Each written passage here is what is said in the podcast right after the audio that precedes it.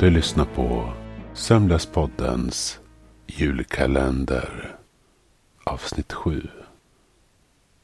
På den 99 våningen inuti tomtens skyskrapa var det inga muntra miner. Alfheims pappa stod bredvid jultomten vars ansikte var lika rött som kostymen han bar. Håret var uppsatt i en manbun och skägget var trimmat.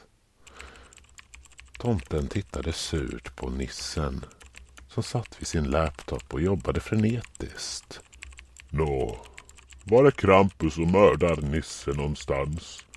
Vi har spårat mördar-Nisses mobiltelefon. De befinner sig i Jokkmokk. Sa nissen. Och Stjärna? Har fortfarande inte rört på sig. Men vi följer chippet noggrant. Troligen är han bara ett varmt stall. Krampus är ett hot mot julefriden. Han bryr sig inte om renars välmående. Jag är besviken att ni inte kontaktade mig direkt. Lyckades du få tag i mördar-Nisse, Nisse? Ehm, han svarade, men la på direkt. Och jag skulle uppskatta om ni slutade kalla min son för mördar-Nisse. Det finns inga bevis på att han mördade Nisse. Han är med Krampus.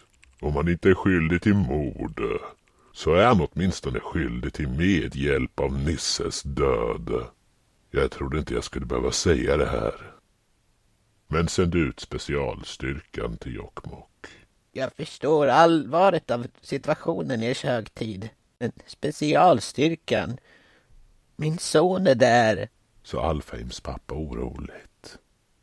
Han har valt sin sida. Oh, oh, oh. Jag ringer dem nu. Krampus, Alfheim och den avsvimmade Edgar var nu framme vid den destination som de bett att bli avsläppta vid.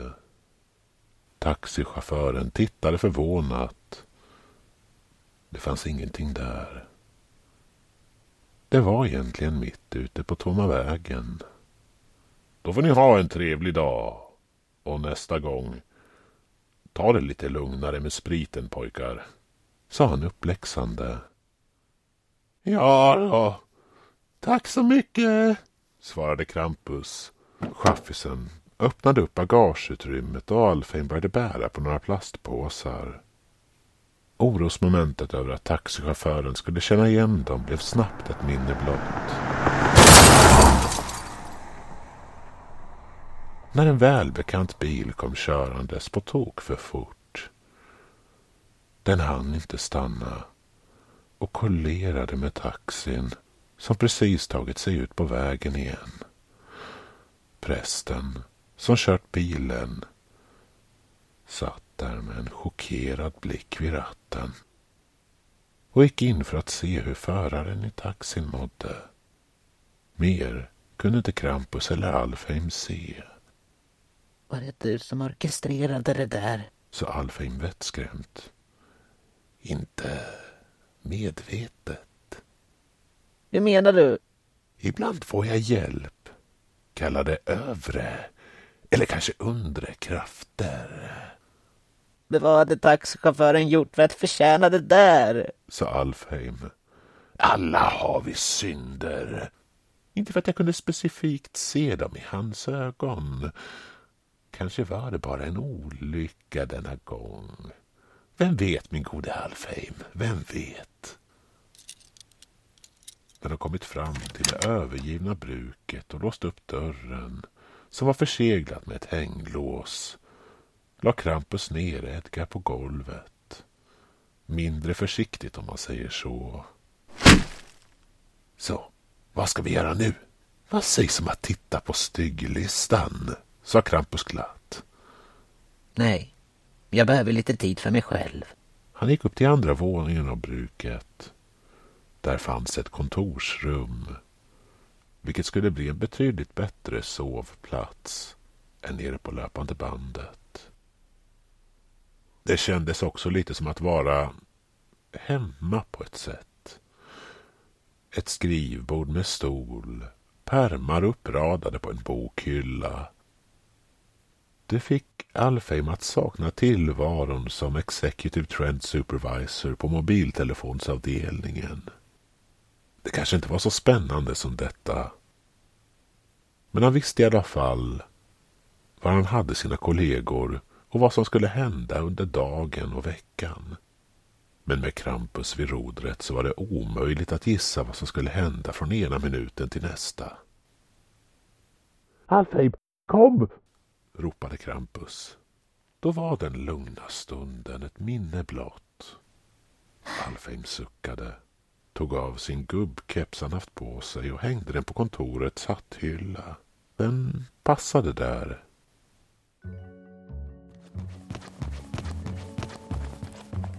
Han försöker fly! Ta honom!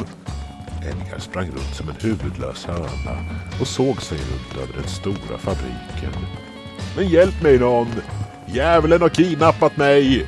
skrek han. Plötsligt fick Edgar syn på ett av fönstren i fabriken som var i spillror. Det låg glasskärvor runt platsen. Men det verkade vara hans enda väg ut. Han kastade sig ner på golvet och kröp mot platsen.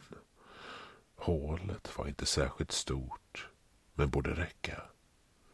Krampus sprang efter honom, men var på andra sidan av fabriken och med sina bockben så gick det inte särskilt snabbt.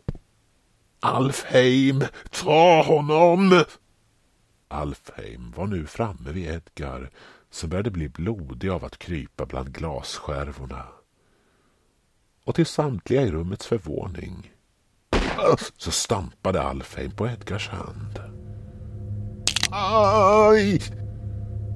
Han vred sig i smärta. Men Alfheim tog inte bort sin lilla fot. Det där var ta mig fan imponerande, Alfheim.